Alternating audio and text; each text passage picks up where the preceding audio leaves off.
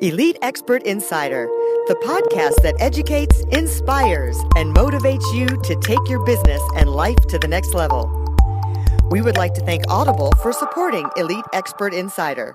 Please go to the link bit.ly forward slash elite audible. That's bit.ly forward slash elite audible and get a free 30 day trial to show your support. Thank you, Audible.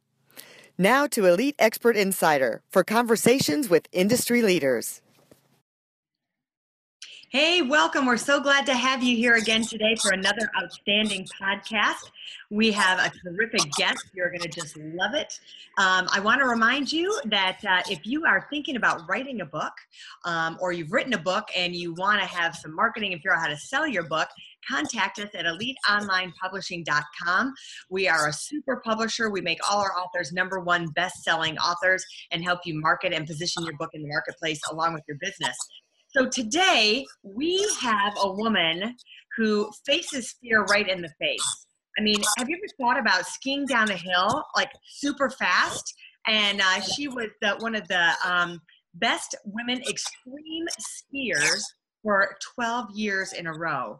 Can you believe that? I mean, I, I watch those skiers and it just scares me to death. So if anyone's an expert on fear, she is.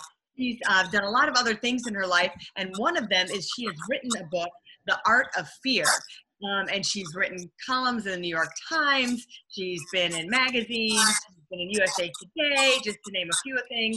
Um, and she's also written for Penthouse. All right, really versatile. So, Kristen, Kristen Ulmer is here. Tell us uh, a little bit about yourself, Kristen. Give us a background on you. I am from a small town in New Hampshire, and I skied in jeans until I was 10 years, 20 years old, which means that I wasn't very committed to skiing. And then three years later, I was on the U.S. ski team for moguls and considered the best woman big mountain extreme skier in the world. And I never had any formal coaching, so I'm the poster child for it's all mental. And uh, then after I retired in 2003, I studied with a Zen master for 15 years and I started being a mindset sports coach. And then people hired me for additional work unrelated to sports as well. And that led me to be a fear specialist because I was also voted the most fearless woman athlete in North America. And so my whole life has been about either studying about fear, teaching about fear, or dealing with a lot of fear that just amazes me that you learned how to ski all by uh, that's just natural instinct. I mean that's really pretty impressive. Um, even though i mean and then it sounds like the fear part is natural instinct for you too. So you're you're naturally innate to be able to conquer that and become um, athletic. And then the fear part seems natural even though you study with a zen master i think it's just innate in you. Um, tell us a little bit about your your book too well, let me just say that I did some things right and I did some things wrong. And you say the word conquer fear, and actually, my book is called Why Conquering Fear Won't Work and What to Do Instead. So, uh, I, you know, when I, for example, made it on the US ski team, I never actually had a desire to make it on the US ski team. I was just trying to hang out with friends and do some fun road trips, right? Next thing you know, I'm on the US ski team and there's thousands of people watching me ski and cameras in my face. And it was an overwhelming experience. I didn't know how to deal with the fear. And so I took the advice of well meaning coaches, friends, family, and did what you know everybody teaches which is to conquer overcome fear let it go visualize greatness um, positive mental imaging all of that and it works but it's a temporary solution and it actually just you push the fear down and then it causes problems that are you know long term become real big problems for people. And so that was one thing that i did was try to conquer overcome fear when i was an athlete and it just does not work. It's such bad advice and every book well not every book but most books out there are teaching tips on how to breathe it away, let it go, all of that. And it's just bad advice. And my book is not one of those books. It's very, very different. So tell us a couple things that make your um, program about fear different versus you know like you say make it go away and i can understand that like you know it's almost fear and anxiety you put it in your body and it's got to go somewhere it can cause illnesses and can cause a lot of other issues Absolutely. Some of the issues that the repression or the pushing down of fear causes are depression, anxiety disorders, panic attacks, PTSD, underperforming, when people come to me to help them learn how to perform better in sports or just in their business or life, if I address the relationship with fear, usually that underperforming issue goes away. So do a lot of these other problems. And so what happens is it's like we go through life and let's say we have we have joy, gratitude, forgiveness. Let's call them children, right? And then we also have fear, anger, sadness, like the bad, the negative children. And we mm-hmm. tend to show off to the world over here, but what do we do with these? We push them down into the basement, we lock the door, we throw away the key, and we think, okay, great, mm. got rid of them, momentary relief. But you know, here I am showing off all these wonderful qualities, but what's happening in the basement is they're burning the house down and they will not be denied and they will come out in any way they possibly can. They'll hijack my mind and run their agenda through my thinking mind. They'll, whenever my guard is dropped, like when I'm trying to sleep at night, that's when they'll take over uh, it's just a really bad idea to abuse a child of yours like that in particular fear because fear is such a big big deal in our lives. Yeah. Well you, i think what is important is what melanie was saying earlier about how some of these things came natural to you. I think more than it coming natural to you is you learned how to face that fear right? I mean tell us some like things that that you teach in your book about instead of overcoming the fear or conquering the fear what do you do? What do you face it or what what is it that you do? What is facing your fear is very common language but mm-hmm. when we face our fear it's it's kind of like you feel like you're facing your enemy. You know like i'm going to face it and i'm going to take out a sword. And mm-hmm. so some people they run away from fear like they don't do scary things. You know that's one way to not deal with fear. Another way to not deal with fear is to face it and take out a sword but then fear is going to take out a bigger sword. You're going to be engaged in a war with this primary core part of you, and it's an unwinnable war. And so, more I'm talking about facing it in terms of in a loving way, like like you would face a, a whining child that's been trying to get your attention for a really long time. You know, you could do this, or you could do this and take out a sword, or you can do this and kind of be engaged with that whining child. Like, hey, honey, what's going on? Like, why are you so loud? And why are you trying to get my attention so desperately? So, the advice that I have is first of all, realize that fear is a natural, normal part of life. And a lot of people think that fear isn't, you know, like if fear shows up, it's a sign of personal weakness or that there it's something to be embarrassed about or hide or, you know, that it's unnatural. You know, we get intellectually that it's natural, but then when we try to fight it, it's it's kind of like this. Here's a great story a man is sitting on a park bench and a bird walks up to him and he goes, Oh, you're not the bird you're supposed to be. So he picks up the bird and he takes out some clippers and he clips the tail feathers and he clips the wing feathers and he chops off the front inch of the bird's beak, right? Puts the bird back down and says, There, now you're the bird you're supposed to be it's kind of a ridiculous story, right? And what that story illustrates is that we have this natural, normal part of who we are, and we're trying to change it. We're trying to alter it. We're trying to make fear not afraid, and it's just not going to work. So the first thing is just realize it's natural. The bird is just the bird. Fear is just fear. And when it shows up, of course, life is a very scary experience. You're going to feel fear if you're going to do big things with your life. So that's the first step. Yeah, you know, I like what you um, said. Fear is what I've learned too. Is it's like a bully. So you know, a bully may taunt you and call you names, and if you're like, "Oh my gosh, you're right," and uh, and you're fearful, like maybe that you know you're not going to have enough money to pay your bills, and it's it's ringing in your head over and over again, especially when you go to sleep. And um, but then if you manage that and you face it, but then sometimes it ups its game. Like you say, you bring out the sword, it ups its game again. So um, I really like that. And how do you get to the why though? When you say you face the fear and you have that conversation with it, like why are you feeling that way? Is it difficult to get to that situation to calm the fear? So listen to your language. You're still referring to it as some sort of bully that needs to be placated or mm-hmm. shut down. And so this is the biggest point that you will ever that I will make in my book that you will ever hear about fear See, fear is not the problem in our lives. We have to really get that at our core. It's actually here to help us come alive, be more present, all of that. It's actually an asset and an ally. It's just our misguided interpretation of that fear that is the problem. That's the bigger issue than the fear itself, the way that we treat fear. Mm-hmm. If you treat fear, if you see it like a bully, if you see it as a negative, if you see it as a, a problem in your life, then you're declaring war on it and you're going to have uh, that war be against yourself. Like you're going to be in conflict with yourself all the time. You're going to be trying to change yourself all the time.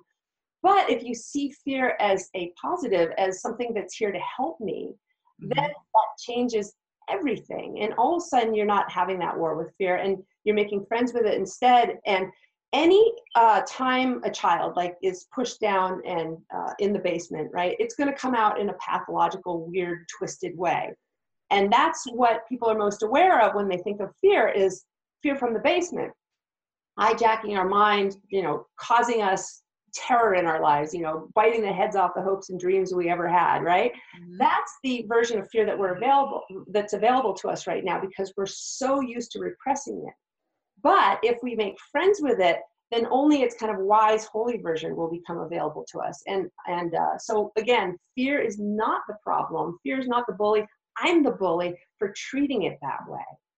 Interesting. And you're right. I mean, fear is there to stop you from falling or jumping off a cliff or doing something. It's there to protect you in so many ways and to analyze the situation before you do it. Your body's saying, maybe you shouldn't jump off that cliff or skydive. You know, it's there. Tell us a little bit about the process of um, how you started the book. I mean, I know you started to consult with people, and how did that involve into writing a book? People came to my ski camps because they wanted to have less fear. And I'm like, well, why would you want to do that? The whole reason why people go skiing is to feel fear. Like that's why people spend thousands of dollars because yeah. you know, skiing without fear would be really boring, you know. So I just help people make friends with fear. And then what happened is people, like up to 60% of my ski campers would hire me to be their counselor for things unrelated to sports. Like maybe they were trying to go through a divorce and they were stuck in indecisiveness, or um, maybe they were underperforming or burnt out at work, and maybe they were depressed. So I started helping them with these problems. And I found that if I healed their relationship with fear or changed their perspective around fear as them instead of seeing it as a negative but seeing it as a positive and making friends with that part of them taking it out of the basement and, and giving it its rightful place in their lives mm-hmm. their problems were resolved. Yeah. Like really big problems that you know like depression or anxiety disorders or panic attacks or ptsd it, it was alarming. And so and, and very quickly like just in a few sessions. And so i kind of did the math about five years ago, I'm like, well, duh, I'm supposed to be a fear specialist. You know, I I was perceived that I had done it right during my ski career. I actually hadn't. I repressed fear just like everybody else. And for me, it showed up as PTSD. I started to hate my sport, burnout. I had crashed adrenal system. I had injuries that won't he- wouldn't heal. I had more and more injuries over time. Like I was repressing fear just like everybody else does because that's all we're ever taught you know that's what my coaches were teaching me to do. And it and so in order to heal my own relationship with fear i became a fear specialist and then i wrote this book. So what's the difference between fear and anxiety? That's a great question. There well Anxiety, especially if it's persistent and if it seems out of proportion to the situation that you're in, that's nothing more than undealt with fear. And it's the same with irrational fear. Like if your fear seems excessive or weird or twisted in any way, that's just undealt with fear. And anxiety is just another name for fear. And it's interesting in like if you're a CEO of a company, you would never tell the people in your life like, "Oh, I'm pickled in fear," right? But it's easy to say, well, I'm pickled in anxiety. But it's exactly the same thing. But in particular, it's undealt with fear. Mm-hmm. I like that definition. That's really good. Well, you know what I have been kind of observing as you're speaking. I don't know if any of you have seen the new Wonder Woman, but I think Kristen, you're like Wonder Woman. Like you are the Wonder Woman. You know, like um, I don't know if you guys have seen the movie, but she she isn't really afraid I mean, they're out in this big war, and she's like, "Well, let's just go, let's do it." And they're like, "Wait, you can't! Like, there's guns and there's you know fighting, and we've been in this for we've been in this bunker for however I don't know how long or whatever that ditch they were in for however long they've been in there, months and months and months." And she just went for it. She's like, "No, we just got to get it done. You know, let's just got to go do it." And everyone else was so scared, right? Oh, I loved Wonder Woman. I cried. yeah, it was so good. It was so yeah, good. Well, consider this. She's not fearless. She just has an intimate relationship with her fear. Right. Think about it. The guy that lifts the bus off the, the legs of his friend, right? Single handedly. You know, adrenaline. They say adrenaline, yeah. but actually, humans plus fear equals superhuman. Yeah. And so she is, you know, she's not in denial of her fear at all. She's probably, you know, of course, she's a fictional character. Yeah, yeah. I see her as being a warrior with fear, like made stronger mm-hmm. fear, uh, stronger together versus apart. And so it's like imagine Batman and Robin. You know, if you're Batman and fear is Robin, you're stronger together than apart. And you know, imagine the power you might feel if you punched Robin in the face, right? Well, yeah, okay, it makes you feel, wow, look at me, look what I did. But you've now rendered yourself really, really weak. You do not want to punch fear in the face. You want to bring fear along for the experience, and together you and fear will be great superheroes. Mm-hmm. Love that. So tell us, um, a lot of our listeners um, are thinking about writing a book or have written a book. Um, what kind of things have you done to market your book? And you're with HarperCollins, so it's a traditional publisher, but um, maybe working with them. What are some of the things that have helped you um, propel your book and have worked to market it? This may come as a shock to many, but I was given a book contract with HarperCollins without having to write a book proposal just based on a 10 minute conversation I had at 1 a.m. at a party, at a Halloween party. Wow, that's great. I guess my first advice would be just have a great idea. Like what I'm teaching about fear is so radically different from anything anybody's ever seen before. Um, it is it ain't your mama's book on fear. It, and um, you know, first of all, I have credentials. You know, I have a long, sordid history with doing things wrong with fear, by figuring out the right way, healing myself, working with clients. Like I have this rich history of of becoming a fear specialist. And turns out I, we googled it i'm the only fear specialist in the world. Awesome. specialist but isn't that bizarre? I think it's nice not to have any competition in the marketplace for you right? Not many businesses can well, say that. to teach about fear. It's not like you can study this in a laboratory. You know i made life or death decisions on a daily basis on what to do about fear. And I tell you, I'm lucky to be alive though, because I used to repress fear too. So just become an expert in your eh, field and just have a great game changing idea. Like, don't write a book in the same genre of, you know, eh, what everybody else is writing. Like, absolutely redefine existing norms. Um, put, but it's scary, you know? It's like really scary to write this book. I've I've been like pickled in fear since I wrote this because I'm pushing up against drug companies, psychologists, scientists, um, pre-existing norms about such a huge subject as fear that have been around forever. And so don't be afraid to just really put yourself out there and, and challenge, challenge these existing norms. I mean, what's the quote, polite women rarely make history, right? That's so true. And as for marketing, I, I'm not the person to talk to about that. um, it's it's hard. I mean it's like writing the book was such a magical experience for me but marketing it it's like i've turned into like a fuller brush salesman. I it's like hey i'm like reaching out to my friends saying please post about my book on facebook. I'm like oh my god. I, I was never even like i'm on instagram now. I've been to 80 countries. I haven't taken one photo of any of those trips. Now i'm taking photos and posting them on instagram. It's like i want myself, right?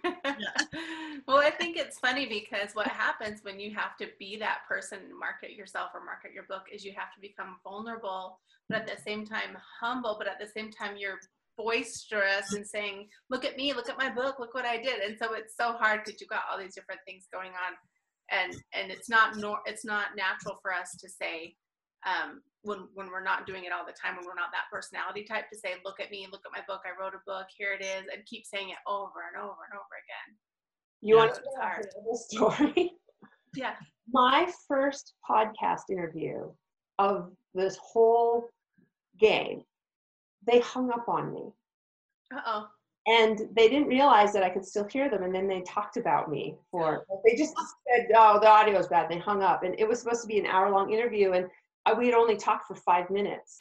And it turns out they didn't like what I was saying and they they just started heckling me. And oh, no, how terrible. Yeah, they like she's gonna get herself sued. What an idiot, right? Like, what? Who does she think she? Like, it was. I listened to 20 minutes of this. This is the first interview. Oh my, oh god! Same day, one of my mentors, who who'd been teaching conquering or the repression of fear forever, and and you know, oh, you want to align yourself with gratitude and forgiveness, right? And she was in her uh, probably late 70s, refused to write me a blurb for the book. And she said, absolutely not. I will not support your book and your message. I'm like, this happened within an hour of each other. And so this is like my first moment of bringing this message out into the world. And, you know, it's a big, it's, it's about fear, you know, it's a big story yeah. on like, hey, the, the first sentence of my book is everything you know about fear is wrong. And uh, I, I was like, oh my gosh, what have I done? I actually called my editor and said, can we hold the presses for six months while I rewrite this book? and talked that off the cliff. And, uh, you know, it's scary. It's really scary. And it feels like a popularity contest. Well, you know, you're, you're, um, they say you're not really famous or um, reach success until you have haters. So when someone is balking against you, that's actually a good thing, even though it didn't feel like a good thing. Oh, it, yeah. Well, pretty quickly. I mean, we talked for five minutes, and these guys heckled me for twenty, and they were really upset. So I thought, well, that's a good sign. yeah, that's a good sign. Sure. And I was going to say the advice that you gave about being um, different, or um, I'm getting audio feedback. I don't know if you guys are hearing that, but it was. Um, I think it's good because that transcends for a book and your business you know, don't be like everybody else. What separates you in your business and your book um, to stand out for people to use you and to get clients? So I think that advice works great for both. I really appreciate that. Tell us where we can uh, find you. My website is kristenulmer.com with an E-N, K-R-I-S-T-E-N, ulmer.com. You can buy the book at, uh, through my website and you get a gift. Um, or you can buy the book just anywhere that books are sold. And I also offer courses and events, um, online at home courses, webinars, that sort of thing to help people. I, I have a slogan give me an hour, I'll change your perspective. Give me six hours, I'll change your life. Like if somebody is struggling with depression, anxiety disorders, insomnia, PTSD, um, if you work with me for six hours, read the book, that kind of thing, um, it'll help it be crystal clear where this problem is com- coming from and it might even be the complete resolution of those problems. It's really really powerful what my message is and it's very different uh, can so, they um, do uh, like can you do anyone over the country do you do like zoom meetings or um, webinar meetings that they can meet with you? So like you could you're in salt lake city but if someone in new york needed help you wouldn't have to fly out there no, I work with people all over the world and have for about 15 years. And uh, th- this is my first big, like I'm, I'm kind of turning away from my old niche, which is working with people on uh, sports performance. And now I'm going to be devoting my life full time to helping people who have been struggling with these problems and they haven't gotten the results that they want from other methods. Uh, so this is now going to be my full time path. And uh, I would love to hear from you and I would love to help you. Great. Well, we'll put that website link at the bottom and uh, that's generous of you to give a gift. So everyone go to her website, kristenulmer.com, and buy her book and get her gift and uh, reach out if you need her help. See, there I go again. Like, okay. But that's what you're supposed to do. it's a great book, and it is unlike anything you've ever heard before. And uh, thank you for talking to me today. Sure. So if you're struggling with anxiety, depression, uh, fear, get her book, The Art of Fear, to help you out and get a whole new perspective.